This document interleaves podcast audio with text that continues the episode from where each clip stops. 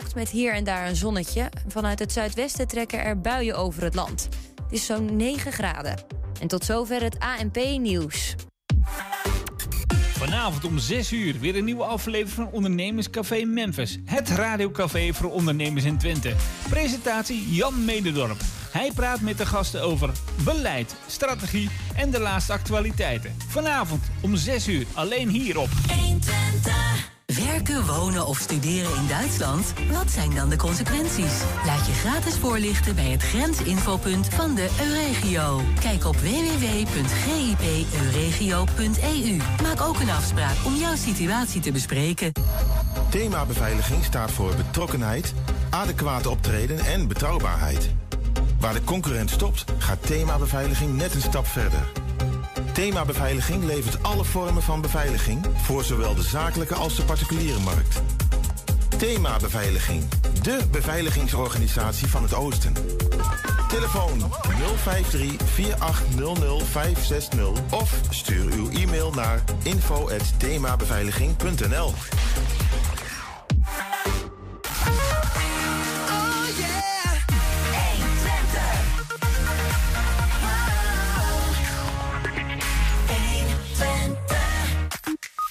Laten we de energietransitie over aan cowboys of doen we het zelf? De voorzitter van Enschede Energie zwaait in ieder geval af. Dus wie moet het nou doen? Er moet een nieuwe padelbaan komen in het Enschedese Wolderikspark. Dat is de mening van Enschede Wim Kerkhofs. Maar hoe gaat dat er nou uitzien? In begin 2023 moet er een nieuwe wijkkrant komen voor Enschede West. De naam is De Wester. Het WK in Qatar is nu een paar dagen bezig. Reden genoeg om in Hengelo de straat op te gaan met de vraag... kijken Hengeloers naar het WK? Het is woensdag 23 november en dit is 120 vandaag. 120. 120 vandaag. Herkennen de leden van de VVD zich nog wel in de landelijke partijkoers? Of heeft de partij, om coalities te kunnen smeden en zo de macht te behouden, inmiddels zoveel water bij de liberale wijn gedaan dat er helemaal geen liberale wijn meer proefbaar is?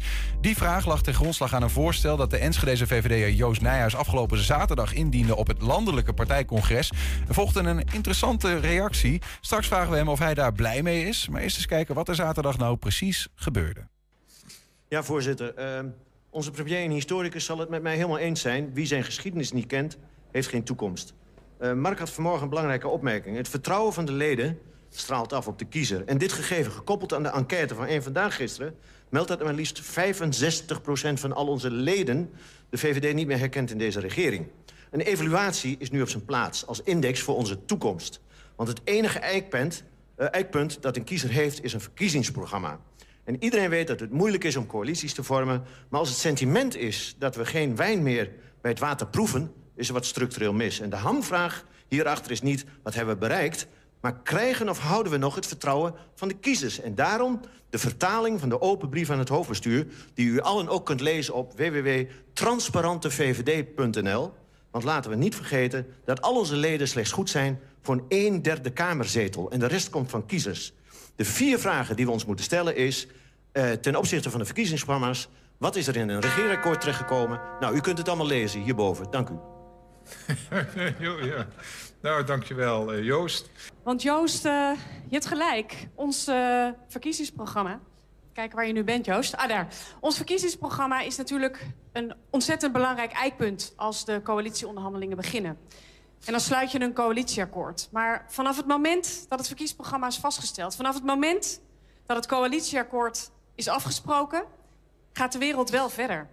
Gebeuren er dingen en komen er dingen op ons pad. En sinds het laatste coalitieakkoord... Mark zei er vanochtend al een heleboel over in zijn speech... is er echt een heleboel veranderd. En dan heb je je daar als coalitiepartij... als grootste partij toe te verhouden... dan hebben we daar een antwoord op te formuleren. En naast het werken aan die grote vraagstukken die op ons afkomen... zijn we ook dag in dag uit bezig met het uitvoeren van het coalitieakkoord. En die dingen die daarin staan, die voor ons ook zo belangrijk zijn. En behalen we ook resultaten, al twaalf jaar lang. En er is echt een heleboel om trots op te zijn. En Joost, en tegen alle leden hier in de zaal zeg ik... als steuntje in de rug hebben we die vastgelegd in een boekje. Vier fracties, Ruim 296 winstpunten, mooie punten voor de VVD over de afgelopen jaren. Dat is wat we de afgelopen jaren bereikt hebben. Maar het liberalisme is de drager van vooruitgang. We moeten vooruit, naar de toekomst en al die dingen op ons afkomen. Maar Joost, de resultaten in dit boekje, ik overhandig ze je graag. En ik zag dat een van de mede-indieners van de motie... mijn zeer gewaardeerde oud-collega Helma Lodders is. En ik wil haar ook graag een boekje aanbieden. Dank jullie wel.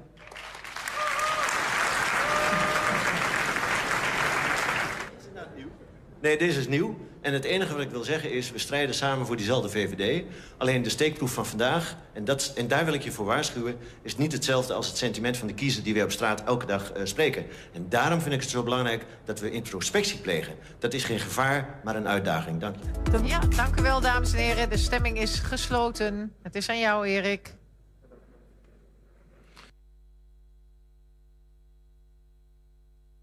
Zo, uh, zo, zo eindigt dan even dit korte overzicht van wat daar afgelopen zaterdag afspeelde. Joost is uh, bij ons in de studio, welkom. Dank je. Uh, misschien om te beginnen heel, heel kort antwoord op, op de vraag. we zien een reactie op jouw voorstel hier. Hè? We ja. zien hoe de, de, de partijbestuur zich uitspreekt. de fractievoorzitter in de Tweede Kamer, Sophie Hermans. Um, nou, en schreef ook een boekje en zo. Wat is jouw reactie daarop? Ben je blij, teleurgesteld of dubbel? Nee, kijk, uh, ik ben hoopvol gestemd als je de hele dag uh, in de oogschouw neemt. Um, je mag best weten dat uh, er een beweging is die heet Klassiek Liberaal. Nou, daar ben ik ook lid van, zeg maar zeggen. Ja. En wij hadden eigenlijk een, een, motie in voorbereiding om tegen de dwangnet te stemmen. het feit dat die Sorry, tegen de dwang? Dwangwet, dat is de dwangwet. opname van asielzoekers, zeg maar noodgedwongen verspreid over alle gemeenten. Ja. Ik ben helemaal niet zo rouwig erom dat hij hem niet gehaald heeft. Want daar ging het niet om. Waar het om ging, en wat veel belangrijker is... is wat ik ook tegen Erik van den Burg, onze staatssecretaris, heb gezegd. Zolang je niet aan de kraan gaat draaien om hem dicht te zetten... blijft dweilen langzamerhand ja, een oneindig uh, verhaal wat voortgaat. En als je die dwangwet aanneemt... heb je de tegenstanders uh, van zeg maar, het dichtzetten van de asielstroom... zoals ChristenUnie en D66... die geef je een carte blanche. Ja. Dus, en aangezien die heeft het dan weliswaar niet gehaald... Maar daarna kwamen er nog negen moties. En die negen moties waren ook voor een groot deel ingediend door Klassiek Liberaal. Die hebben het op één na allemaal gehaald. En het aardige is dat we nu een nieuwe voorzitter hebben, Erik Wetsels. Een zeer gewaardeerde, uh, uh, ja, ook vriend van mij. Ons gewoon niet altijd met elkaar eens zijn. En die heeft nu gezegd van, we gaan, de, we gaan statuten en huishoudelijk reglement aanpassen. Ja. Omdat we weer een ledenpartij willen zijn. En het andere wat veel belangrijker is, we krijgen nu een motiemonitor. Dus het is niet langer van we deden een plas en lieten de zaak zoals die was. Nee, we gaan nu kijken wat men gaat doen. Wat er echt mee gebeurt. Want dat is, dat is iets wat je, waar je echt toe opriep ja. in je. Eigenlijk wilde jij ook daarin, nou, in retrospect eigenlijk de afgelopen twaalf jaar. Wat ja. is er gebeurd met uh, dingen die in partijprogramma stonden? Uh, in hoeverre zijn die uitgevoerd? In hoeverre heeft eigenlijk de VVD de teugels in handen gehouden? Of hebben ze ze uit handen gegeven aan coalitiepartners om aan de macht te behouden? Zo, zo voelde ik het een beetje. Nou, wat zo, wat zo frappant is, en daarom moest ik wel lachen uh, eigenlijk. Um, uh, uh, Sophie roept dan eigenlijk met het boekje in de handen van... ja, wees nou trots. Nou, dat is een ander woord dan pittig, maar dan vijf keer achter elkaar, trots. Maar waar het om gaat is van... niet van wat hebben we bereikt. En Erik Wetsel zei op een gegeven moment van... ja, je moet niet achterom kijken, je moet nou kijken wat je bereikt hebt. Nee, je moet kijken hoe het terugkomt qua sentiment bij de kiezer. Want ik zei net, met alle leden hebben we nog niet eens een derde zetel. Mm -hmm. Maar als ik op straat, en ik, ik ik spreek zoveel mensen en die zeggen allemaal: nou, moet je luisteren. Al twaalf jaar roepen jullie dat jullie wat aan de asielindustrie gaan doen. Mm -hmm. Als ik Bente Becker kijk hè, in, het vorige, in de vorige periode, dan heeft ze hele mooie, krasse uitspraken. Maar als ik het daarna wil toetsen aan hoe we gestemd hebben in de Kamer op moties en amendementen. Ja, dan zegt mijn onderbuikgevoel dat we eigenlijk het hebben laten lopen. Eén ding kan ik je nog vertellen, dat vind ik wel grappig. Vanmorgen werd ik gebeld door Petra de Koning. Dat is een journaliste van de NRC. En die vroeg mij van, goh, als jij 21 jou nou een Tweede Kamerzetel aanbiedt... ga je daar dan op in? Toen heb ik gezegd, nee Petra, dat doe ik niet. Want jaar 21 bestaat bij de gratie van het feit... dat wij als VVD in ons verkiezingsprogramma veel dingen parallel hebben laten lopen als zij. Alleen wij doen er niks meer aan. En dat is de kern. En dat voelen mensen en dat ja. zien mensen maar toch interessant in die zin dat uh, als die, die kiezer zich dan uiteindelijk hè, in de lijn van de leden op een gegeven moment zich niet meer gaat herkennen en daardoor nou ja, dat je electoraat gaat verliezen. Ja. Uh, dat is nog niet echt aan de hand, want de VVD blijft maar uh, groot in die zin. Ja. Is, dan, is je angst dat de VVD electoraat verliest, of is je angst dat um, de VVD wel electoraat heeft, maar, maar daarmee macht krijgt en de verkeerde punten over Nederland uitstrooit. Het verkeerde beleid over Nederland uitstrooit. Wat ik zie, en dat heb ik in de vorige keer al eigenlijk een beetje aangegeven. is het volgende. Ehm, op enig moment, ehm, als je, want dat vind ik ook zo op- opmerkelijk, dat eh, Sophie Hermans zegt dan van, ja, een verkiezingsprogramma, zegt zij min of meer, die- dient als een document om een coalitieakkoord in te gaan. En daarna doet ze net alsof dat daarna gepasseerd is. Nee, kijk naar Enschede, dat is een heel mooi voorbeeld. Nee, jouw kleur komt van je verkiezingsprogramma. Daar hebben mensen op gestemd. En iedereen weet dat je die niet, niet alles van waar kunt maken. Maar alles wat buiten een coalitieakkoord en een regeerakkoord valt, dat noemen wij vrije kwesties. En als je dan daar sterk op inzet om je kleur te behouden, dan kan het inderdaad zo zijn dat je je eh, coalitiepartners erg irriteert. Kijk naar Enschede, zes weken voor de verkiezing eh, heeft D66 samen met ChristenUnie en de PvdA eh, het vertrouwen in de fractie van de VVD opgezegd, maar niet naar de wethouder, wat niet kan, maar dat gaf de irritatie aan. Maar wij hadden wel heel veel kleur op de wangen. Men wist precies waar we voor stonden. Dat zou meer moeten gebeuren wat jou Ja. betreft. Dus dat, dat de, de VVD-fractie ook gewoon durft in te stemmen tegen de, de VVD-coalitie in de Tweede Kamer. Ja, maar, maar het, Of de, tegen, sorry, tegen de coalitie in de Tweede Kamer. de kern, Niels, gaat eh, als volgt. Ehm, de gedelegeerde democratie is op dit moment staat op gespannen voet met eh, wat mensen willen en wat ze krijgen. Mhm. En dat heeft met één ding te maken: volledig dichtgetimmerde regeerakkoorden. Want daardoor verschuift de macht van het hoogste orgaan, de Tweede Kamer, naar de regering. En de Tweede Kamer heeft langzamerhand niet meer de macht. En je ziet ook dat langzamerhand, sorry dat ik het zeg jongens, het is niet anders, dat fracties alleen nog maar een soort willoos eh, hand omhoog op het juiste moment zijn, maar zelf niet meer een geluid kunnen laten horen. Het mooiste voorbeeld, of triest, het meest trieste voorbeeld, was vorige week dinsdag.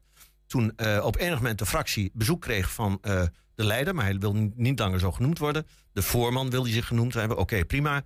En niemand weet wat er besproken is, maar ik kan me zo voorstellen dat daar gebulderd is van. Nou moeten jullie even goed luisteren. Als jullie hiermee doorgaan, dan knalt, eh, eh, het, dan knalt de regering. Dan gaat de zaak uiteen. En we hebben een verantwoordelijkheid naar het land toe. Want we hebben op dit moment heel veel crisis. Wat we er niet bij vertellen is dat die crisis voor een groot deel veroorzaakt zijn. of niet voldoende zijn opgevolgd tijdens Rutte 1, 2 en 3. Ja, jongens, keihard, maar zo is het wel. Dus dat is een self-fulfilling prophecy. Eh, help ons nog even met die liberale kernwaarden. Hè? Want die, die, is- da- da- da- daar gaat het eigenlijk om. Die wil je eh, meer terugzien in Ja. het uiteindelijke beleid, zeg maar, eh, wat er wordt uitgestrooid.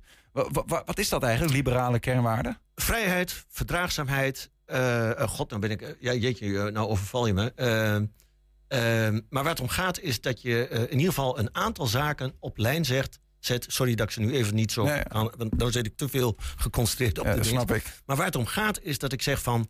Waar je naar terug wilt, is dat je zegt van. Het kan niet zo zijn van het. het eh, het verkiezingsprogramma voor één dag interessant en daarna voor vier jaar aan de kant. Omdat je een coalitie hebt gevormd met dichtgetimmerde regeerakkoorden. Mhm. Eh, laat nou een eh, fractie die duaal ingesteld is, zaken eruit pakken die ze gewoon op de kaart zetten, ondanks het feit dat je tegenpartij hebt. Op het moment dat je niet langer in coalitie, maar gewoon in macht denkt van machtblok Tweede Kamer, Mhm. en niet coalitie-oppositie, maar gewoon van vrije kwesties en dan meerderheid, eh, meerderheid vormen. En ik weet dat het lastig is, maar dan krijg je een betere democratie waar mensen zich in Fair enough, maar dat, dat is natuurlijk ook eh, iets wat, eh, wat de VVD eigenlijk ontstijgt. Hè? Dat is waar we in Nederland überhaupt mee in de maag zitten, toch? Waar Herman Cenk Willink weken over heeft gedaan om te, te bedenken... hoe gaan we nou een open bestuurscultuur creëren met elkaar. Ik denk dat we heel veel winnen als we regeerakkoorden terugbrengen tot twee A4'tjes. En de rest laten aan de, ter- kamertermijn. En dan elke keer opnieuw. En dat is een langer proces, duur, eh, of een, een, een, een, een moeilijker proces. Maar dan wel waarin de kiezer zich veel meer herkent. Ja. Maar goed, ook dan zul je, ehm, eh, denk ik toch, wat, wat uiteindelijk het, het eh, partijbestuur zei, de HB, hoe noemen we ze ook alweer? hoofdbestuur. hoofdbestuur. En Sofie Hermans. Ja, politiek is coalities, is water bij de wijn. Hè? De- maar ook als je, als je uiteindelijk een open. Stel dat je een regeerakkoord hebt van twee A4'tjes en de rest moet de Tweede Kamer besluiten. Nou, dan moet die Tweede Kamer voor elk eh, punt wat wordt aangedragen ook weer kijken van wie krijg ik mee, wie krijg ik niet mee. Dus dat is altijd een uitwisseling, toch? Dus ja, eh, kun je Niels, laten we eens even heel gewoon. laten we gewoon even een doorsnee eh, periode nemen. Wat zie je nu? Je ziet nu dat door, door eh, dwang van de sociale media de ultrakorte termijn regeert. En je ziet dus nu dat er onvoorstelbaar veel moties en kamervragen worden gesteld voor de actuele status quo, waardoor je eigenlijk langzamerhand denkt van waar gaat dit in godsnaam over? Als je inderdaad die Kamer gewoon weer eigenlijk de vrijheid geeft om te zeggen van joh, moet luisteren, buiten deze grove lijnen ligt alles vrij, dan denk ik dat er veel meer mensen zijn die uiteindelijk zeggen: hé, hey, je hebt criteria, je prioriteiten. Ik ga geen onzin vraag stellen om in de picture te komen. Want nu heeft een oppositiepartij eigenlijk alleen nog maar dat ze reur willen hebben. Kijk naar een Boudet, kijk naar een eh, Wilders. Om maar op te vallen. Om maar op te vallen. Ja. Terwijl als je die zaken vrijlaat en je zegt: van, nou, laten we als asielkwestie nog maar eens vrij. Willen we een, eh, een asielquotum? Ja. En je hebt dat vrij. Nou, dan krijg je een heel andere dynamiek in die Kamer. Ehm, ik, ik wil toch nog ook even terug naar je, je, de, de, de motie die je hebt ingediend en, Ja. en de reactie daarop. Nou, een van die reacties hebben we gezien is dat jij een boekje eh, kreeg. Die heb je ook meegenomen. Het we hebben, boekje. eh, het voorblad eh, ziet er zo uit. Ja. Ehm, eh, vier fracties, hè, dat gaat over vier fracties VVD de afgelopen decennium, zeg maar. Ja. En 296 winstpunten. Ja. Ja, ja, ja, goed. Is dat de logische reactie van we moeten kijken naar wat er goed gaat en we moeten vooruitkijken, beter dan naar wat er mis is gegaan? Nou, Niels, ik kreeg, eh, ik kreeg het boekje en maandag heb ik hem uit mijn jaszak gehaald en wou ik hem even kijken. En toen zag ik het voorwoord. En dan wil ik je toch even heel kort wat uit voorlezen en daarna ook toelichten. Uit eigen werk. We hebben Nou, een voorwoord ook. Misschien kunnen we die laten zien. Ja. Dan kunnen we meelezen. Let op en dan gaan we lachen met z'n allen. Zelden heeft een motie de VVD-fractie euforischer gestemd dan het exemplaar dat door Joost Nijhuis Koemsoeis werd ingediend tijdens de 454e Algemene Ledenvergadering. Ons werd door de indieners de unieke kans geboden om 12 jaar VVD-successen met onze leden te vieren. Nou, ik wil daar één ding op zeggen. Als je tegenstand hebt, dan ga je eerst negeren. Dan ga je bagatelliseren. Dan probeer je nog te ridiculiseren. En aan het eind heb je nog maar één ding over. If you can't beat them, join them. En dus is er geprobeerd. Laten we de angel eruit halen. Want blijkbaar. Een hele men- mooie spin vind ik dit. Ja, maar Ja. blijkbaar vond men het heel, heel eng om dit nou eens een keer te onderzoeken. Mm. Maar dan zeg ik van, als ik dit nu lees, hè, zo'n intro. En sorry, je, ik weet, je, je weet, ik hou van taal. Mm. Eh, jammer genoeg hebben we satirische programma's als Code B hebben we niet meer op tv. Maar hier hebben we een prachtige insteek om weer ongelooflijke satire te bedrijven. Want jongens, denk nou even na. Hartstikke leuk om allerlei mooie puntjes op te schrijven. 296. Ja. Maar dan zeg ik nog steeds van, hartstikke leuk. En ik wil best erkennen dat we veel binnenhalen. Maar het gaat om waar ligt, de, eh, waar ligt het gevoel van de kiezer? Mm. En als je dan twaalf jaar lang opschrijft van... we gaan wat aan de asielstroom eh, doen... en we hebben een Bente Becker die dat heel vaak mooi verkondigd heeft... en dan aan het eind nou zegt van... hé, hey, maar wacht even, bij de Veilige Landers... hadden we in 2014 of zo enkele tientallen... en nu hebben we er duizenden. Mhm. En we krijgen ze niet teruggestuurd. Ja, dat zijn de dingen die ik elke dag hoor. Dat zijn de sentimenten van jullie roepen het, jullie bulderen het al twaalf jaar. Wat doe je nou? En ik heb de vorige keer ook al gezegd, ik wil van het buikgevoel af. Ik wil het gecheckt hebben. En dan gaan ze op een gegeven moment gaan ze weglopen. Hè, wat je zei dat over boekje die... wil ik hebben van. Zo, hier staan de dingen die we hebben gezegd. Zo hebben we gestemd. Ja. Ehm, er is nog, nog, nog een reactie op jouw motie, namelijk de uiteindelijke stemming. Eh, die hebben we volgens mij niet op beeld, maar dat noem ik dan maar even. Hè. 41% aangenomen, 49%, eh, 59% verworpen. Ja, blijkbaar eh, vindt het landelijke VV VVD-congres eh, jouw onderzoek niet nodig. Ik, eh, ik vond het meer dan hoopvol. Want je mag best weten, we hadden 1600 mensen, ook nog met volmachten. Eh, ik weet uit zeer betrouwbare bron dat ze er enorm alles aan hebben gedaan... om zeg maar, het eh, geluid wat wij wilden produceren op zaterdag eruit te hebben. Omdat ze zich niet konden veroorloven om nog een keer zo'n dag als een half jaar geleden... eh, waarbij de stikstofmotie 51 om 49 was... En daarmee zaten ze met de vingers tussen de deur... waarbij eh, Christiane van der Wal gelijk zei... we gaan het niet uitvoeren. Dat is heel gevaarlijk om dat naar een congres toe te zeggen. Dus dat wilden ze nooit weer hebben. Want eh, één ding weet ik wel, en dat is me ook verzekerd vanuit de Kamer. Als deze erdoor was gekomen, die asielmotie... dan hadden we een regeringscrisis gehad. En die had waarschijnlijk kunnen uitlopen op een eh, regeringsval. ja. En dat wilden ze dus voorkomen. Dus wat daar in die zaal zat, en dat heb ik ook geprobeerd aan te zeggen... is totaal niet representatief voor het gevoel buiten. Dus ik vind het juist zeer, zeer hoopvol... dat er zelfs al 41% van wat er in die zaal zat, zei van... nou, het is wel eens goed om introspectie te plegen. Laat staan... Dat Jij denkt als je diezelfde stemming onder de, stemmer, onder de stemmers zou houden, dan zou je een meerderheid hebben. Niels, één vandaag had, zoals ik aangaf... 65% van alle VVD-leden herkent niet langer de VVD in de regering. Ja, moet ik daar nog veel meer op zeggen? Of Ja, nee, duidelijk. case. Ehm, we, we moeten gaan afsluiten, Joost. Maar ehm, ik wil toch nog even, want jij, eh, jij hebt ook... eh, nee, ik heb wat, wat appjes gezien waarin je bijvoorbeeld zegt... Nou ja, dit boekje van Sophie Hermans, is, eh, zij noemt het een, een, een steun in de rug. Maar jij zegt het is een steun in de rug voor mijn en het, en het initiatief van Klassiek Liberaal... misschien wel om juist onze acties door te zetten. Daar heb je helemaal gelijk in. Dit boekje heeft voor mij eigenlijk mij vol overtuigd dat we dan maar op eigen initiatief, want we zijn uiteindelijk altijd ondernemend en we doeners. Dat willen we ook graag in de VVD. En wat dat betreft kan ik zeggen, eh, geacht bestuur, lieve Sophie, dankjewel voor het boekje. Het heeft ons inderdaad het inzicht eh, gegeven dat we op eigen kracht dit onderzoek toch moeten laten uitvoeren. En dus gaan we het zo meteen in openlijk aanbieden als het klaar is. Want dan hebben we eindelijk ook naar de kiezers toe dat we kunnen laten zien. Kijk, wij zijn zo toch eh, eh, eerlijk om te zeggen van we moeten een keer introspectie plegen. Mhm. En van daaraf weer opbouwen. Ja. Want het gaat er niet om om achterom te kijken om wat voor reden ook. Het gaat erom om een bouwsteen te leggen voor de toekomst. Je wil me afsluiten, maar ik heb eigenlijk nog één. Prima. Maar ik heb gewoon nog. Ik Ja, vind ga het- maar door, joh. Ik Ja, vind heerlijk dit. Ja, ik, ik, ik zag je gewoon eh, in, in een appje zag ik ook voorbij. Ik ben nu, ik ben officieel pain in the ass. Nee, officieus. Officieus, Officieus. sorry. Maar je geniet er ook wel een beetje van, hè? Nou, weet je, je kunt maar beter gewoon eh, de lol ervan inzien. Kijk, eh, één ding kan ik je veel vertellen, en dat meen ik de grond van mijn hart. Ik doe dit vanuit passie. Want wat Petra de Koning zei, stel dat je morgen gevraagd wordt, jaar 21, om de Tweede Kamer te gaan. Nou, nu kan ik tenminste een keer laten zien, dat is geen doel op zich. Dat was veel meer een middel. En waarom blijf ik bij de VVD? Omdat de VVD nog steeds in de kern de partij is die het allerbeste, het allermooiste en het, alle, ja, eh, het, het, ook eh, het, het krachtigste is. Alleen, dan moeten we wel doen wat we mensen beloven. En inderdaad, als je zegt van... ja, maar het staat niet in het verkiezingsprogramma... nou, als het een vrije kwestie is, dan moet je de ballen hebben... sorry dat ik het zo zeg, om dan een keer te zeggen... zo, we moeten weer kleur op de wangen krijgen. Mensen moeten zich herkennen. En dan heeft jaar 21 geen bestaansrecht meer als we dat doen. En hebben wij er gewoon weer 12 zetels bij. Was getekend, Joost Nijhuis, dankjewel. Dankjewel. Ja, laten we de energie. Laten we, de ene- laten we de energietransitie over aan cowboys? Of doen we het zelf? Zometeen schuift Jeroen Jans aan, afzwaaiend voorzitter van Enschede Energie. En we zijn ook te vinden als podcast op alle bekende platforms. Je vindt de hele uitzendingen, maar ook elke dag één item uitgelicht. 120. Oeh, dat is wel heel abrupt, sorry.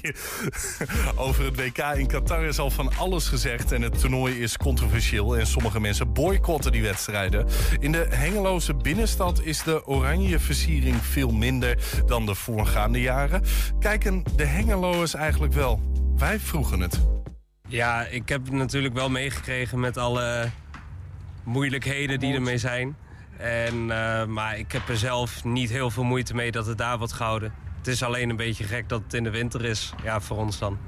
Ja, nou ja, het is eh, zo gegaan. eh, zo eh, is het eh, uitgekomen dat ze in Qatar zouden spelen. Dus eh, dat is prima. Maakt voor jou verder niks uit? Nee. Oeh, ja, ik, ik- persoonlijk had ik misschien wel iets anders gekozen dan Qatar. Want Qatar is wel, ja... Ik weet Wat had je gekozen dan? Ja, ergens in Brazilië of zo. Ja, ja, Qatar is een mooi land, maar waarom niet een keer in Nederland? Want ik heb het eigenlijk hier nog nooit meegemaakt. Wat vind jij eh, dat eh, de arbeiders die daar om het leven zijn gekomen met bouwen van stadions daar, wat vind je daarvan? Ja, dat is gewoon zoveel arbeid geven aan iemand, dat kan niet. Je kan niet zo, je kan niet zo mensen door blijven pushen de hele dag, hele 24 uur gewoon werken. En dan, ja, dan zie je ook gewoon dat, dat dat niet goed gaat met die mensen. Ja, dat is gewoon heel zonde. Wat vind je er eigenlijk van dat Nederland weer na acht jaar weer terug is op het WK? Ja, ik vind het hartstikke knap. Ik eh, doe het ze niet na in ieder geval. Nee, ik vind het wel stoer. Ja, ik ben er wel trots op. Ja, dat is prachtig. Dat is echt Ja? prachtig. Ja, ik heb er eh, vol trots gekeken. Ja, ik vind het alleen maar mooi. Eh, ik heb natuurlijk in 2010 en 2014 zelf ook gezien. Dat waren natuurlijk hele mooie WK's. Het is alleen maar meer mooi dat we er weer staan. Ja, je bent acht jaar afwezig geweest, weet je wel. En eh, inmiddels, na keer op keer op tegenslag, denk je wel van... eh, het mag wel een keer goed lukken en je mag wel een keer kampioen worden, weet je wel. Maar wat vond je van de wedstrijd? Eh, nou, in, in het begin, ik vond dat het wel matig was. Vooral met eh Frenkie de Jong. Die goal had er gewoon in moeten zitten. Dat was gewoon ja, jammer. Maar uiteindelijk 2-0. Ja. Ik had 3-0 voorspeld. Maar 2-0 is ook gewoon prima, zolang we maar door zijn. Een mooie wedstrijd, maar het was heel veel, heel veel met de bal spelen. Ik vond het wel, zeg maar, Nederland had een goede, had zeg maar wel hetzelfde beetje balspel met ehm, ehm, Somalië. En, ehm, Saudi-Arabië eh, bedoel je? Nee, dat was gisteren toch eh Tegen Somalië. Sen- Senegal. Senegal, sorry. Senegal, ja, ja, ja. Maar- Ehm, en toen, ehm, maar ik vond in de laatste paar minuten sowieso die kopbal van eh eh, vond ik heel netjes. Gakpo. Gakpo, sorry. Ik vond het in het begin, eh, dacht ik van, eh, dat werd het niet helemaal. Maar helemaal op het eind eh, sloeg, het, eh, sloeg de feest... 2-0 natuurlijk. Ja, 2-0. Toen sloeg de feest eh, de, de, de in. Ja, het was nog niet heel denderend. Het eh, was eh, nog geen spannende wedstrijd. Ik ben natuurlijk wel hartstikke blij dat ze met 2-0 uiteindelijk hebben gewonnen. Ja, in het begin matig eigenlijk. Slechte ballen, veel verlies. En eh, uiteindelijk de 2-0. Ja, dat was prachtig. In de, in de 95e minuut nog volgens mij. Ja, Dus ja. eh, ja, dat was geweldig. Ja. Ja. Zometeen, je hebt, eh, je hebt je er vast wel eens schuldig aan gemaakt. Spijbelen. Maar hoe zit dat met de jongeren in Enschede? Skippen zij, zoals dat wel eens populair gezegd mag worden, ook wel eens hun lessen? 120. 120 vandaag. Zeven jaar geleden ongeveer ontstond het idee om in Enschede een coöperatieve energiemaatschappij op te richten. Door inwoners voor inwoners. Niet wegzeppen, we gaan uitleggen wat dat betekent. De energiemarkt stond en staat voor grote veranderingen. hè. Het moet duurzaam met het oog op de toekomst van de planeet. Die transitie kun je aan cowboys overlaten, die vette winsten naar het buitenland of naar aandeelhouders sluizen. Of je bedenkt zelf iets en houdt de opbrengst in de stad zelf. Misschien is dat het wel. Het werd de geboorte van Enschede Energie. Voorzitter en trekker van het eerste uur, Jeroen Jansen, die is bij ons. eh, maar hij gaat eh, stoppen als voorzitter. Jeroen, welkom. Dank je. Hier te zijn. Nou ja, leuk dat je er bent. Misschien eh, later nog, in het gesprek nog even hebben over waarom je dan precies gaat stoppen en wat er gaat gebeuren. Maar het is goed om eerst even uit te leggen. Enschede Energie. Ik heb getracht er wat van te zeggen, maar wat, wat is het precies? Nou, Enschede is een, is een burgerinitiatief, gewoon van bewoners in deze stad, die zich zorgen maakten over de klimaatverandering. En eh we zijn bij elkaar gekomen en we hebben gezegd, wat kunnen we doen? Er zijn veel dingen die we niet kunnen doen, maar wat we kunnen doen, dat moeten we gewoon proberen. En toen hebben we een energiecoöperatie opgericht met het doel om zoveel mogelijk energie, duurzame energie, in Enschede op te wekken en zo goedkoop mogelijk te leveren aan de inwoners van deze gemeente.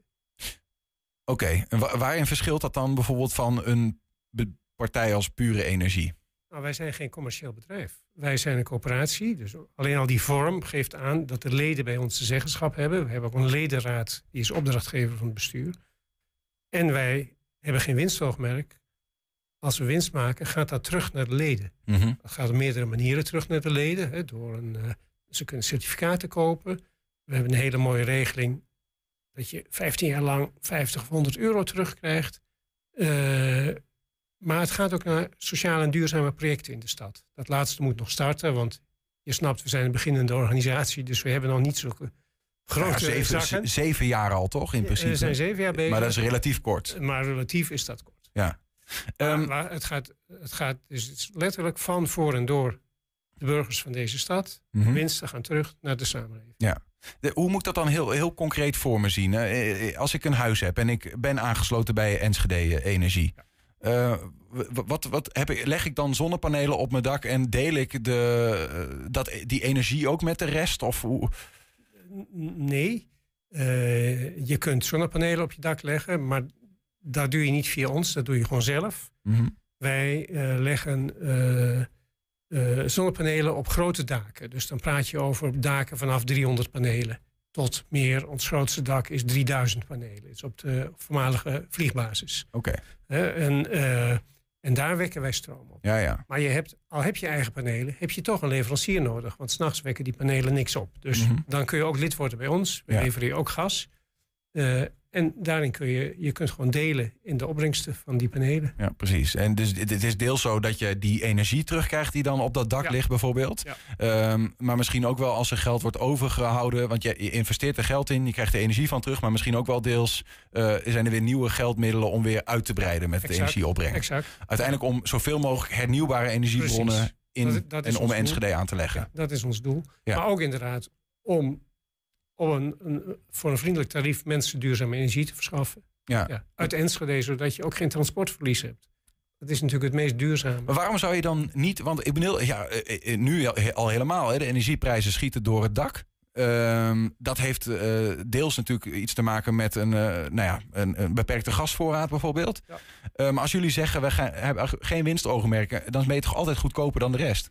We- zijn voor duurzame energie inmiddels eh, een van de goedkoopste. Ja. Waarom zit dan niet iedereen bij Enschede Energie? Eh, wij moeten nog aan de weg timmeren met naamsbekendheid. Je, ra- je raakt een punt. Hè. Ja.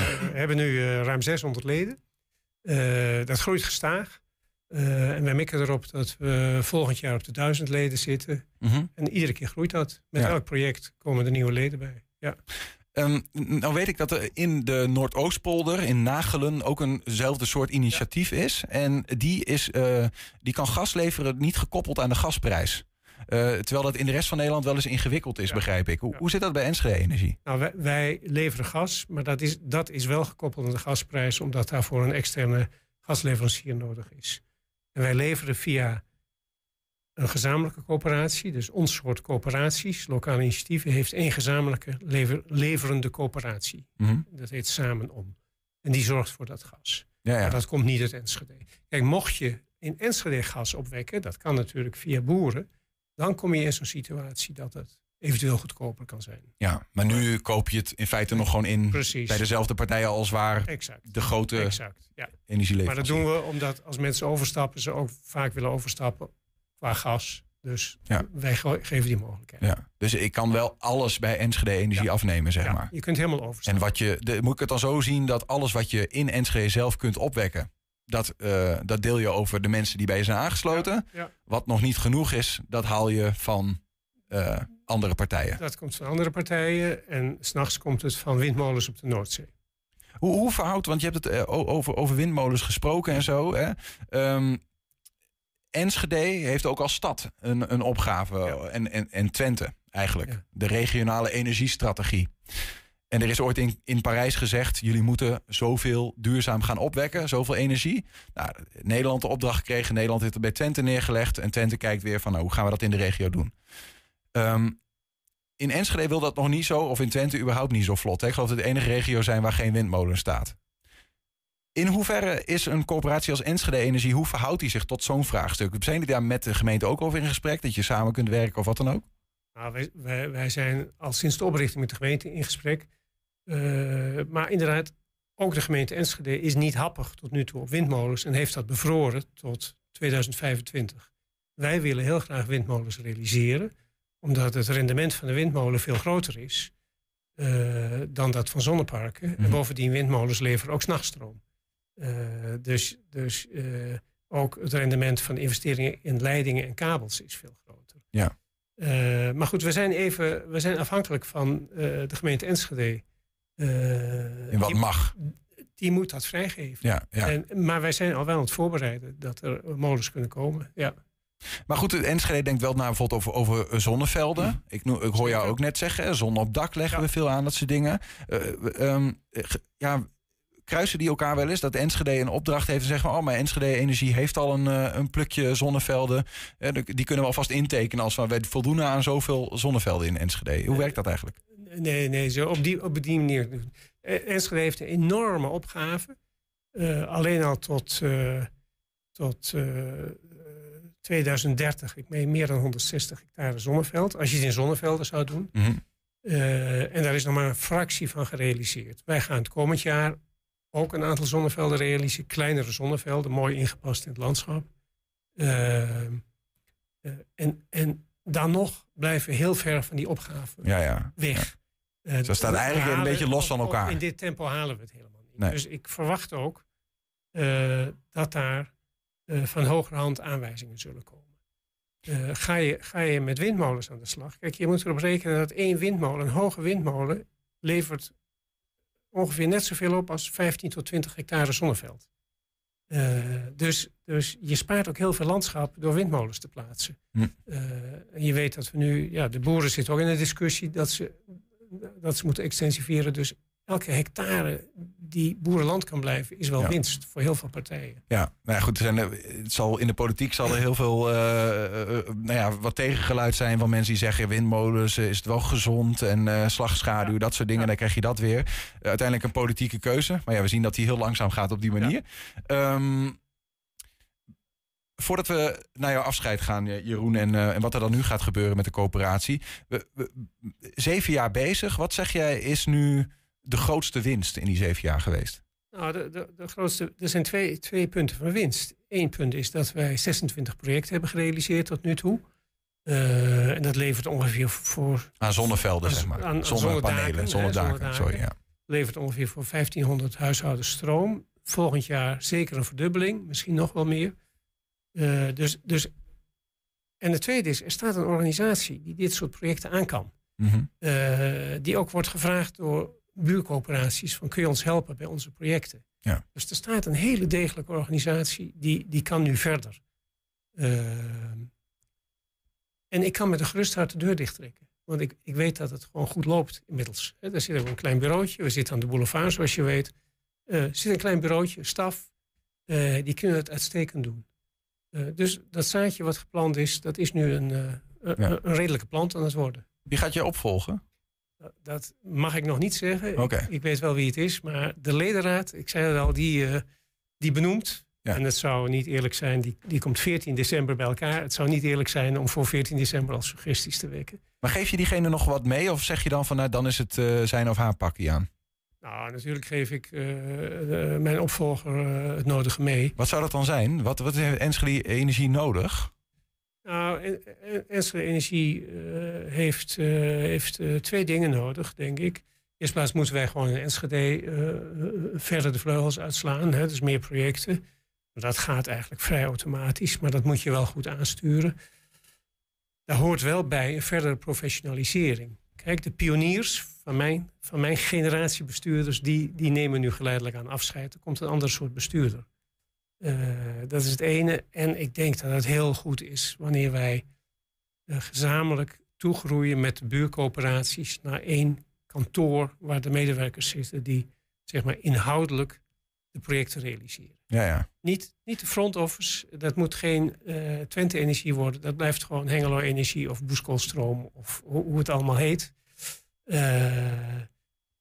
Want dat is juist de kracht van de organisatie. Ja. Maar het zou heel verstandig zijn om gezamenlijk eh, één groot bureau te hebben. Waarom doe jij dat niet meer? Dat is een tijd van komen, een tijd van gaan. En, Zo eh, simpel is het. en zo simpel is het. En na zeven jaar vind ik het een mooi moment om een stokje aan iemand anders over te dragen. Wat ga je wel doen? Oh, dat is nog even spannend. En, eh, ik, ik begin met de boeken die al jaren op mij staan te wachten. In mijn boekenkast voor na mijn pensionering. Noem eens de titel.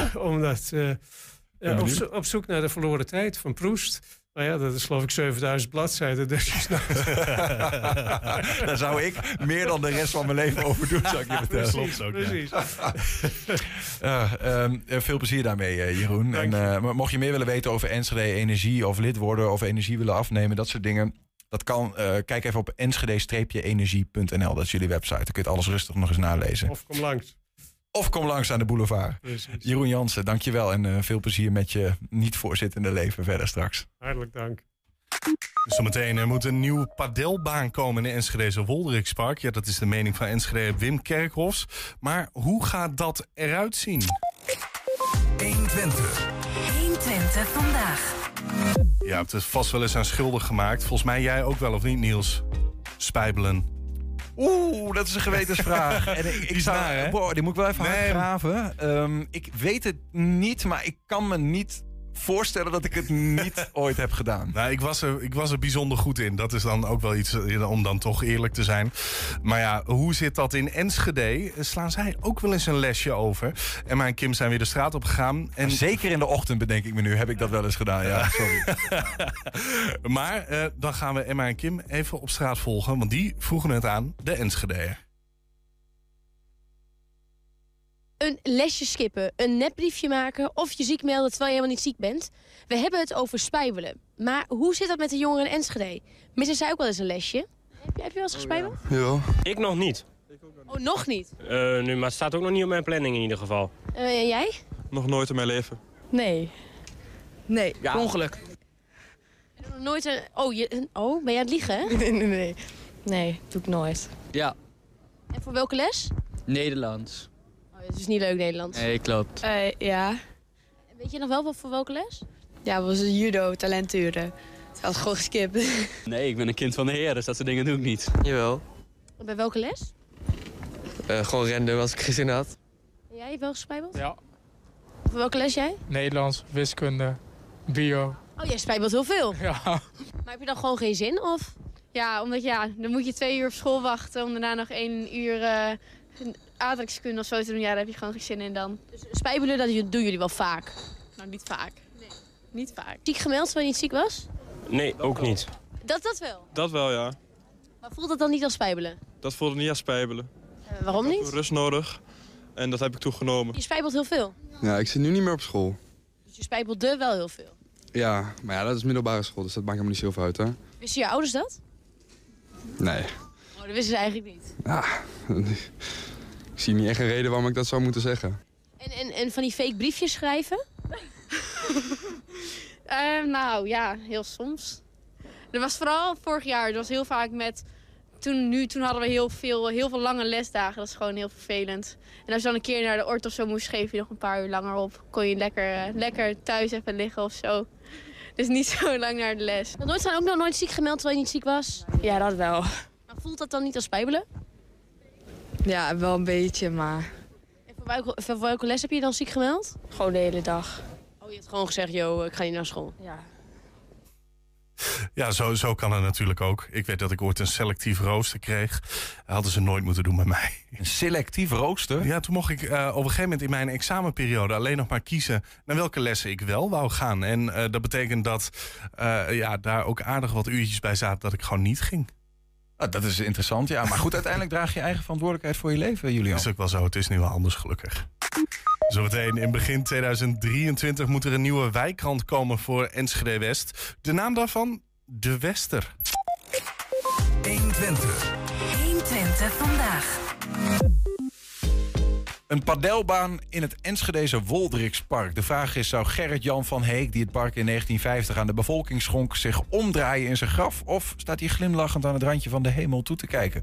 We hebben een man die zo'n padelbaan op die plek zou willen aan de lijn. Dat is Wim Kerkhoffs. Welkom, Wim. ja, goedendag. Ja. Tim Kerkhoffs. Even voor, voor mensen die dat niet weten, wat, wat is padel?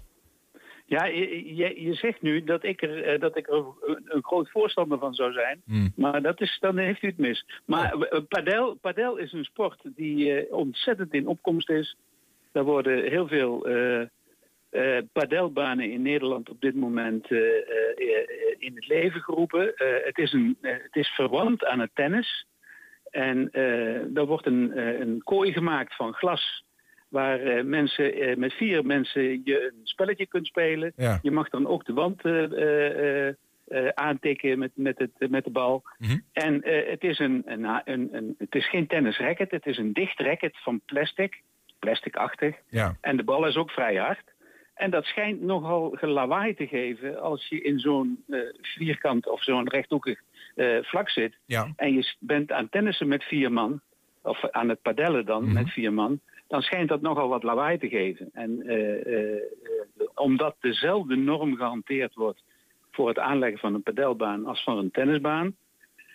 eh, is het, en dat is 50 meter van een woning af, gaat het in Nederland op verschillende plaats, plaats fout. Dat er padelbanen verschijnen daar waar mensen de hele dag last hebben van Ja. spelende mensen.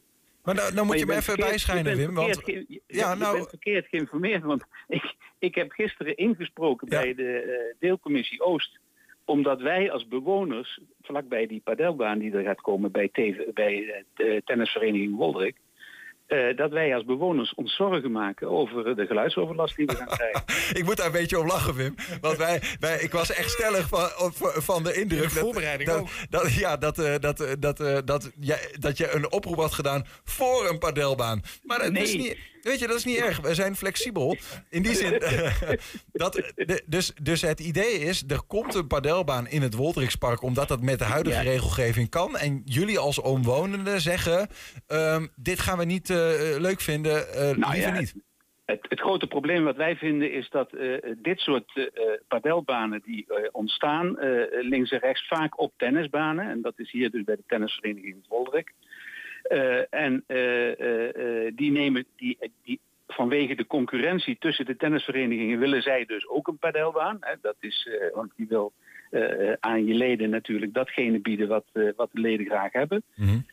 En eh, daar hebben ze, zijn ze nu een jaar mee bezig. Ze zouden ons op de hoogte houden, maar ze houden ons niet op de hoogte. Dus ik ben bij de gemeente te gaan vragen van wat is nou de procedure als zo'n zo'n padelbaan eh, er moet komen. Ja. En dat is gewoon via een omgevingsvergunning. Daar hoeven ze helemaal niks eh, met de buurt te doen. En eh, daar wordt dan een besluit genomen binnen de gemeente. Buiten jullie om. Door een groep, door een groep mensen. En dan ligt er uiteindelijk een besluit. Dus dan ligt er bij wijze van spreken toestemming voor een vergunning. En dat ligt dan daar acht weken of zo ter inzage. En dan mogen wij achteraf daarop reageren. En dat vinden wij dus niet juist. Wij vinden dat we vanaf het begin erbij betrokken moeten worden. Eh, vinden jullie niet dat er ook eh, eh, bijvoorbeeld mensen uit de straat die, die vinden van... hé, hey, juist omarm die padelbaan. Iedereen moet toch kunnen sporten. Mensen kunnen naar een skatebaan als ze naar een skatebaan willen. Dat kan ook overlast hebben dat ze denken... ja, het zal maar helemaal wel wie zijn.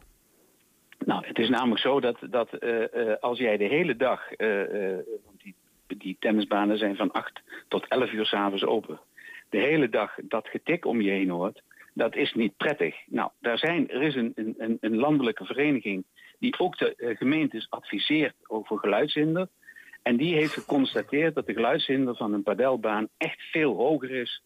Eh, eh, dus het aantal decibels is veel hoger. Dat is zodanig Ja. dat, dat, dat daar dus echt last van ons kan ontstaan. Ja. En eh, zij adviseren om minimaal eh, eh, tussen, de, tussen de 175 en 200 meter afstand te houden tot bewoning.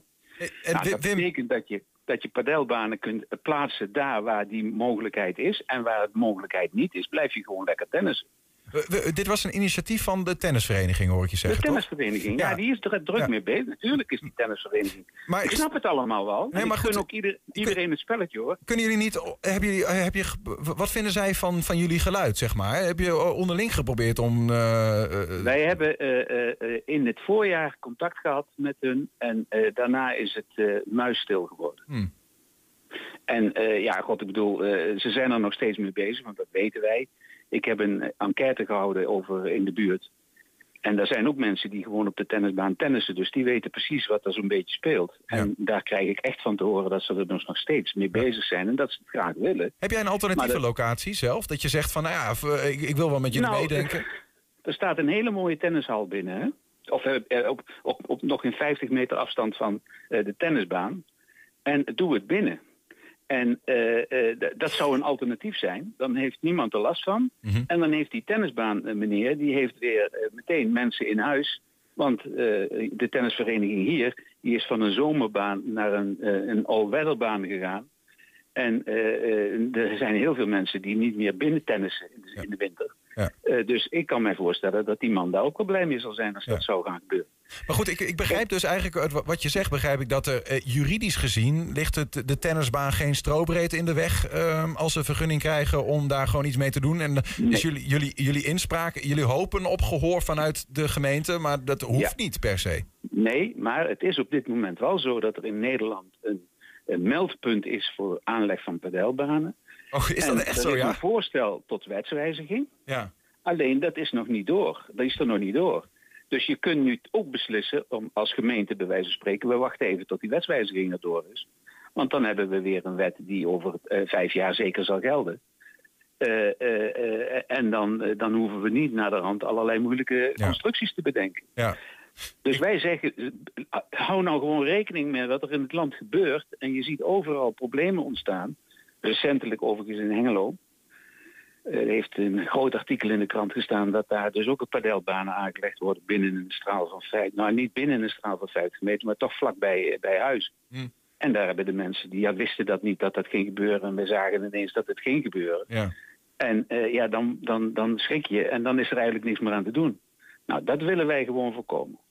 Snap en Doe, van tevoren, doe van tevoren behoorlijke tests over, eh, laat een geluidstest uitvoeren. Eh, eh, of het hier, eh, niet, of het hier bezwaarlijk is of niet. Wij zijn er niet tegen. Maar zorg in ieder geval dat het leef en, en, en, en het leefklimaat en het, en het woonklimaat in deze wijk niet eh, verstoord Het moet natuurlijk niet zo zijn dat er straks eh, dat de mensen lekker te padellen zich van geen kwaad bewusten dat jullie eh, de, elke dag, dag in dag uit lopen, lopen te storen en dat er ruzie ontstaat. Dat snappen we. Ehm, eh, oh, ben ben benieuwd, Wim. We gaan het bl- blijven volgen. En het is in ieder geval goed om te weten dat jij in ieder geval niet voor, maar tegen bent. nou ja, tegen, niet keihard tegen. Op een andere ik- plek. Ik, ik, ik, wil, ik wil een behoorlijke procedure hebben. En eigenlijk van tevoren erbij betrokken zijn. En niet dat, er dadelijk, dat we straks bij de rechtbank moeten staan om de zaak voor weer recht te trekken. Duidelijk. Wim Kerkhoff, dankjewel voor je toelichting. even. Oké, prima, bedankt. Heb je een tip voor de redactie? Mail dat dan naar info.120.nl 120. 120 vandaag. De Zuidwester was een wijkkrant die al 28 jaar maandelijks uitgebracht werd voor de inwoners van Enschede West. Die krant stopte ermee, maar ik krijg hier net een blaadje in mijn handen gedrukt waarop staat: De wijkkrant in West komt weer terug. Hier staat het, bewijs.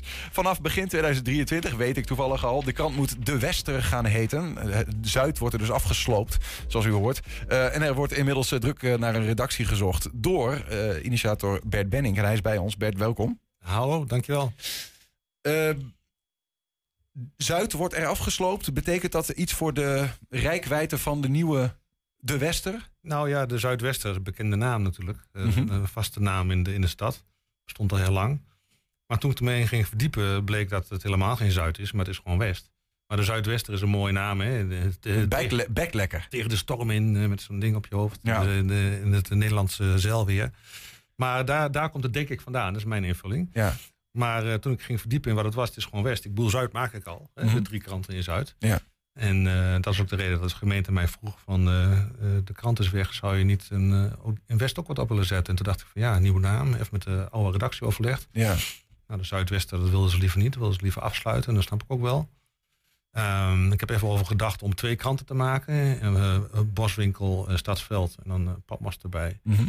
En dan dat, datzelfde format als in Zuid, met een deel West en een deel wijkkrant voor de wijk zelf. Maar dat, eh, dat lukte niet omdat er in Boswinkel veel minder adressen zijn dan in, eh, in Stadsveld. Dus Ja, ik ja, kon hem niet eh, uit elkaar trekken. Nee, dat kon wel, maar dan was het evenwicht helemaal weg. Was het één staat op drie of zo. Nou, dat, dat, dat had ik... Nou ja, bovendien lijkt me dat op een gegeven moment niet meer rendabel, toch? Als je voor op een heel klein niveau gaat Nee, nee, precies. maken. precies. Dat, dat, dat, dat, dat Ja. levert niks op. Maar ik heb dus nou besloten om één krant. Ik, dat, is, dat, dat is de inzet. Ja. Eén krant, De Wester. Ik denk de Hallo Zuid eraf. Voor Boswinkel, Padmos en Stadsveld. Stadsveld. En Ruwenbos. En Ruwenbos. Ja, ja. En dus geen Boekelo Uslo. Ik kom zelf uit Boekelo. Maar daar hebben we een, een boekje. De Boekeloos. Dat gaat prima. Ja. Dus eh, dat staat... Dat staat eh, wil je deze even zien? Nou ja, ik, ik, ik, ik zie jij, want je vertelde net, hè, je hebt eh, meer eh, wijkkranten waar je de regie over voert. Ja, en dat in, in de Zuidwijken om de hoek gekeken zal Helmerhoek zijn, Ja. Brinkpraat, Wesselenbrink en de Strooingslander. Het Strooingslanden. Et cetera. Ja, Drie wijken in Enschede. Exact, ja. Ehm, wa- waarom, eh, eh, waarom lukt dit en durf je dit erbij te doen? Terwijl volgens mij ook de Zuidwester eh, eigenlijk is gestopt. Omdat het moeilijk was om nog die krant in de be- been te houden. Ik denk vanuit redactionele kracht. Ja, nou, dat, kijk, Martijn is er 14 jaar mee bezig geweest. En dat was, het is heel zwaar om als vrijwilligersclub dat te doen. Financiering is lastig. Advertentietarieven zijn laag. Het is, het is gewoon lastig. Ehm, eh, iedereen heeft er last van. Maar ik ben in de Helmerhoek gestapt ooit. En daar zat een kleine marge op. Dat met, met advertenties, met een, paar, een kleine club. adv- eh, een paar eh, freelancers en eh, wat, een boel vrijwilligers erbij. Ja. en toen hebben we, zijn we uit gaan breiden naar de Westelenbrink, waar een vrijwilligersclub zat. En die het moeilijk rondkreeg. Ze waren wel een beetje zo van wie ben jij, waar moet je hier? Maar ik zeg nou, we gaan voor voordelige tarieven gaan wij een mooie wijkkrant maken. Ja. Nou, dat hebben we de kans voor gekregen en ze zijn heel blij. En toen hebben we de Strooingslanden, dat zijn we de, ze hebben zelf bedacht, zijn we erbij gaan maken. Hadden we heel Zuid. In het midden van deze drie kranten zit een stuk Zuid, Mhm. waar de duurdere advertenties in staan. En dat is eigenlijk... eh, wat En die deel je over alle wijken. ja. Ja. Ja. ik had dus eigenlijk gedacht om dat, om dat met West ook te doen. Dus Ja. twee kranten een stuk in het midden. Want als je heel Zuid en Zuidwest bij elkaar pakt, is het een beetje te groot. Het is heel leuk om een, een krant te maken, namelijk dat het wat maatwerk is. Dat Ja. vinden de mensen mooi. Ja. Eh, voor hun eigen wijk. Voor hun eigen, en eh, op een gegeven moment ga je in, in Zuid terecht. Ehm, in, eh, Zuid, in, in West hebben we een krant voor de twee wijken. Het is iets groter, 12.000 eh, oplagen, zoiets. Ehm, en een deel in het midden zit er dan niet, maar het is gewoon één krant. Maar wat ik wel kan doen natuurlijk, is adverteerders die in West en Zuid willen adverteren, Mhm. doorplaatsen in de Westkrant. Ja. Waardoor door het, eh, het efficiëntie, eh, de, de, het schaalgrootte, Ja. maak je dus en eh, maatwerk en tegelijkertijd aan de achterkant heb ik een stevige basis Ja. voor, mijn, voor, Want- voor de zaak. Want het is, het is namelijk gewoon, we zijn, we zijn freelancers. Ja. Het, is, het is rendabel. Ja, wat heel, heel simpel gezegd, het verdienmodel zou ik dan zeggen, en correct me if I'm wrong, is dat je eh, advertenties in die krant hebt en daar verdien je geld aan. Ehm, en vervolgens kost het drukken van zo'n krant kost ook geld en daar zit een verschil. En ja, dat is, dat is je winst. drukken en verspreiden. En, Het verspreiden. En, de freelancers betaal ik. Want daar wordt ook door free, want eh, Ja, de- eh, geschreven. Ja, een vormgever die betaal ik maandelijks. Ja, ja, ook en, nog en, en een redacteur die ik maandelijks betaal. En, eh, en, eh, en, ik- en mezelf natuurlijk een, een deel. Ja. En, allemaal halve banen, want ik zit in de muziek en de vormgever, Ja. Jet Broekstra, je kent haar, die zit in, in de kunst, in de, in de. Prachtig, Ja. prachtig wat ze daar maakt.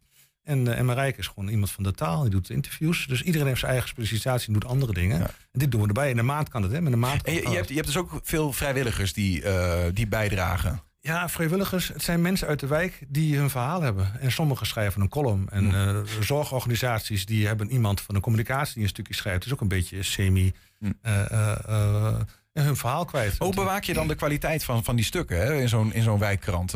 Als veel vrijwillig werk is, kan ik me voorstellen dat er soms dingen geschreven Nou. worden van wordt gezegd van nou, of dat klopt niet helemaal, of daar had op zijn minst wat wederhoor tegenover moeten staan. Nou, het is, het is wel goed om te weten. Het is een wijkkrant. Mm. Eh, we zijn geen eh, kritisch eh, dat iedereen de vuur aan de schenen legt. Het is, een, het is toch feel good. Het is mensen informeren over wat er in de wijk gebeurt.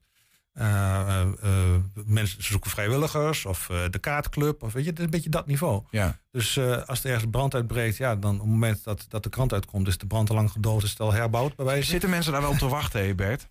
Ja, er is een grote doelgroep die dat heel fijn vindt om, om te lezen. Dat ja. hele Ja. zachte nieuws. Dat mensen denken Ja. van. ja, het is eh, één keer in de maand. Ehm, eh, eh, ouderen die, die een. een, een eenzaamheid is een groot onderwerp. Mm. Wij dragen bij aan verbinding in de wijk. En da- daarom vindt de gemeente het ook heel belangrijk dat we, het- dat we het maken. En de gemeente steekt er ook geld in, hè, wijkbudget. Want wij zijn gewoon een, in feite een soort van welzijnscultuur- en sportkrant. Ja. eh, sp- eh, sportclub zoekt eh, trainer. En hoe, belangrijk is, hoe belangrijk is het, denk je dan? Want, want eh, eh, dat, er überhaupt, dat er zo'n wijkkrant. Wat voel je daar zelf in? Wat is de functie van zo'n eh, van zo'n krant? Wij zorgen voor verbinding. Wij, wij helpen de verbinding in de wijken tot stand te brengen en, en te, ver- te versterken. Heb je concrete voorbeelden? Eh, ja, nou, eh, eh, groepen eh, van buitenlandse afkomst die, die een, iets, iets eh, organiseren. Een open dag in de, in de Syrische kerk, et cetera. Dat komt in de krant staan. Dan komen gewoon buurtbewoners binnenlopen. Mhm. Hoe, hoe, hoe eh, communiceer je dat anders? Een briefje in de bus? Zo'n wijkkant is heel laagdrempelig voor mensen om hun verhaal te vertellen. En om andere mensen uit te nodigen van kom eens bij ons kijken. En dan gaat het heel vaak hè, ontmoeten van andere culturen. Gaat vaak met muziek en met eten. Eh, wijk, wijkbudgetten. Vraag iets aan voor een feest in de straat, voor een, voor een wijkbudget, voor de buurt. Dat soort dingen. Nou, eh, vrijwilligersgeschocht, dat is ook een, een, eh, ding wat heel vaak terugkomt. Zorgorganisaties die hun beleid op menselijke manier uitleggen van dit gaan we voor je doen. De hele eh eh, dementie-toestanden bij de posten, dat ze dat, dat, ze dat eh, eh, zebrapad hebben geregeld daar. Ja. Dat is met een prijs van de ANWB. Dat zijn prachtige verhalen zijn dat. Mhm. Eh, een plek waar fietsers geen voorrang krijgen. Nou, dan komt er een actie. Er staat op de voorpagina zo'n foto van eh, Brenda van de Post. Die zegt van pas op, want dan worden die fietsers doodgereden. Dat is, draagt allemaal bij. En het is voor een deel van de mensen is niet interessant. Ik bedoel, mijn zoon van 18 denkt ook van ja, eh, leuk pa, maar... Brandhout. Ja, nou ja, heel veel mensen vinden het niet interessant. Ja. En, eh, en ook in de wijken zelfs heb, je, heb ik die geluiden wel. Verloopt dat? Zit daar een, eh, zit daar een Nee. ontwikkeling in? Nou, ik denk dat er wel ontwikkeling in zit. Ik denk dat over 15 jaar dat er iets minder mensen zijn die het nog interessant vinden. Want het is toch wel, het is wel een, ik denk dat het iets oudere doelgroep is. Maar ook van actieve mensen in de wijk. Actieve Nou ja, we mensen horen ook de, de, de, de, de, de regionale kranten horen we toch al geluiden. Dit is meer focus op, de, op, de, op het online eh, aspect, zeg maar. Ja. Geloof je niet in? Nou ja, wel, maar het is een andere, ander vak. Ja. Het is een ander karakter, het heeft een andere doelgroep, het heeft een andere functie, het heeft een andere frequentie. Het is allemaal, allemaal anders. Het, Ja. is, het, is al, het, het kan naast elkaar bestaan. Wij hebben Facebookgroepen, hè, dat is heel democratisch, mensen kunnen dat zelf invullen. Mhm. Maar ik heb geen actieve, of eh, zeg je dat, geen actuele websites lopen. Want eh, als, als ze van mij vragen van de wijkkant om actueel te zijn, dan heb heb ik een probleem erbij. Dat kunnen we met drie halve, halve freelancers niet regelen. Maar zo'n wijkkrant, zo'n maandkrant wel. Kan heel, dat, die grens die dat heeft, qua ehm, aanleveren en qua eh, redactie en qua drukken en qua uitkomen, zit er gewoon twee weken tussen. Ja. Ik zou zelfs een weekkrant kunnen maken met dat clubje. Dat, dat geeft ook veel rust. Ja. Sorry, dat kan niet, past niet. Ja. Weet je wel, doe het volgende maand. Het is ook een beetje achtergrond. Hè? De, de, de, wat er in de krant staat is ook heel vaak eh, verdieping. Ja, en- precies. En, eh, Ja. en heel veel dingen, actuele dingen. Er zijn een aantal organisaties, een aantal organisaties in Enschede die standaard te laat hun, hun, hun, hun be- dingen aanleveren, hun persberichten. Volgende week is dat en dat. Ja, kunnen we niks mee. Nee. En daar kunnen ze ook geen rekening mee houden, snap ik ook wel. Maar wij kunnen daar niks mee. Je zoekt, eh, je zoekt mensen, hè? Want de, de Wester moet eh, een lang leven beschoren zijn. En eh, er moet in ieder geval een kickstart krijgen, neem ik aan zo. Maar wie, wie, wie of wat zoek je dan? We zoeken mensen met verhalen uit de wijk. En die dat op een bepaalde manier kunnen opschrijven. Of dat kunnen eh, vertellen, dat andere mensen het kunnen opschrijven. Ja. Uit die drie wijken, die, of vier eigenlijk, die je hebt genoemd. Ja, precies. Dat, Het deel West, ja. Ja. ja. nou, dat mag ook een beetje aan de randen. Dat mag ook uit de haven komen. Mag ook uit het Volkspark komen.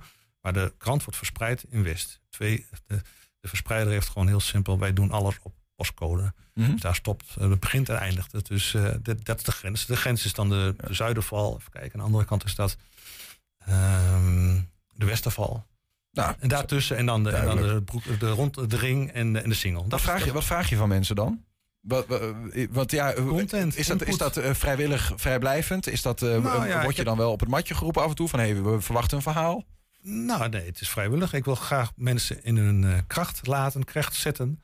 Als ze wat te vertellen hebben. En het is de moeite waard voor, eh, voor, de, voor de wijk. Kom maar. En dan gaan we kijken op welke manier we het in de krant kunnen zetten. Dat is het beste. Of een fotograaf, of een, eh, iemand die een column wil schrijven, iemand die een gedicht wil schrijven. Doe maar. Hoe gaan we dat dan doen? Ik zeg, weet ik veel wat. Zeg maar wat jij te, te bieden hebt. Wat de wijk interessant zou kunnen vinden. En heel veel mensen vinden het heel fijn dat er een krant komt.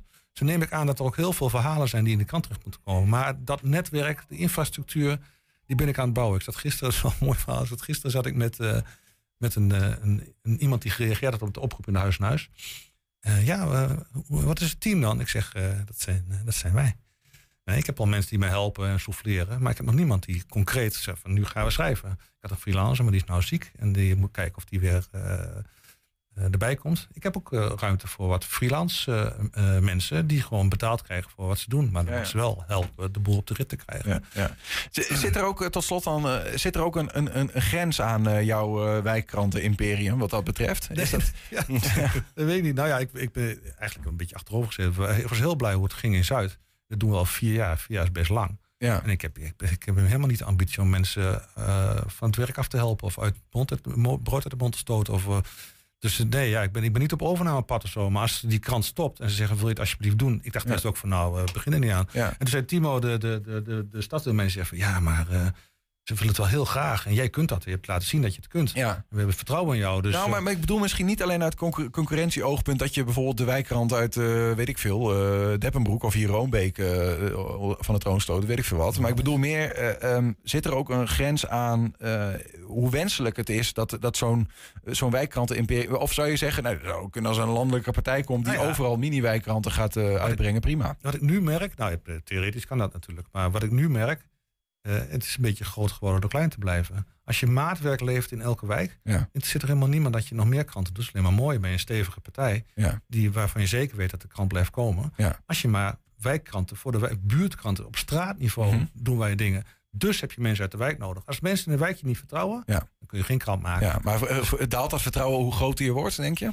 Nou, als je in elke wijk eh, dezelfde intentie hebt en dezelfde moeite erin steekt om de mensen die jij kent, om de wijk in te gaan, om echt naar de mensen te luisteren, naar hun verhalen. Niet alleen om content, content op te halen, zodat je weer advertenties kan verkopen. Kijk, dat is misschien wel, lijkt wel de situatie. Ja. Maar het gaat over eh, dat de insteek, de verbinding van de wijk. We zijn, wij zijn een welzijnsorganisatie die een wijkkrant maakt. En de gemeente weet dat. Terwijl nu het wel zover is dat, eh, eh, dat de subsidie die we krijgen, wijkbudgetten, dat het maar een gedeelte is van de omzet die we maken. En dat is natuurlijk hartstikke mooi. Dat is het mes, mes net aan twee kanten. We zijn en professional Ja. En we hebben hard voor de zaak. De enige we- reden waarom dit leuk is, is omdat je er wat betekent voor de wijk. Precies, want we zijn een welzijnsorganisatie die een krant eh, maakt. Dat vind Ja. ik een mooie, Ja. eh, een mooie samenvatting van wat je aan het doen bent. Ja. Ehm, dankjewel Bert en eh, succes met de Wester. We, we gaan meemaken wat dat in de wijk gaat doen en hoe lang dat zal, blijven bestaan. Het wordt nog een kluif. om 28 jaar of meer, wie weet. Het wordt nog een kluif om de mensen om de, de wijk in te duiken. Dus meld je aan en doe mee aan de wijkkrant. Waar kunnen ze zich melden? Ja, info.wijkkranten.nl. En eh, ze kunnen ook op de site kijken, wijkkranten.nl. Wat is mooi dat wijkkranten.nl, Ja. dat wij die, eh, die URL eh, gehad hebben. Want nou, nu gaan we uitbreiden en nu kan het gewoon zo erbij in. Info.wijkkranten.nl. En wijkkranten is met twee K's, lieve Ja, mensen. Ja. Ja. En dat is de website ook, www.wijkkranten.nl. Kijk. En daar, daar kun je alles op vinden. En kun je ook mijn telefoonnummer vinden, bellen, eh, mailen, alles kan. Bert Benning met twee N'en, dankjewel. Ja, Daarmee sluiten we ook 120 vandaag af. Terugkijken, dat kan direct via 120.nl. En vanavond om 8 en 10 ook op televisie te zien. Zometeen hier Henk Ketting met de kettingreactie. Veel plezier en tot morgen. 120. Weet wat er speelt in Twente. Nieuws van 5 uur. Goedemiddag, ik ben Eva Vloon. Het prijsplafond voor gas en energie dat in januari in moet gaan is nog steeds niet goed geregeld. Volgens hoge ambtenaren zou de Europese Commissie de compensatie aan energiebedrijven kunnen zien als staatssteun. Dat meldt de NOS.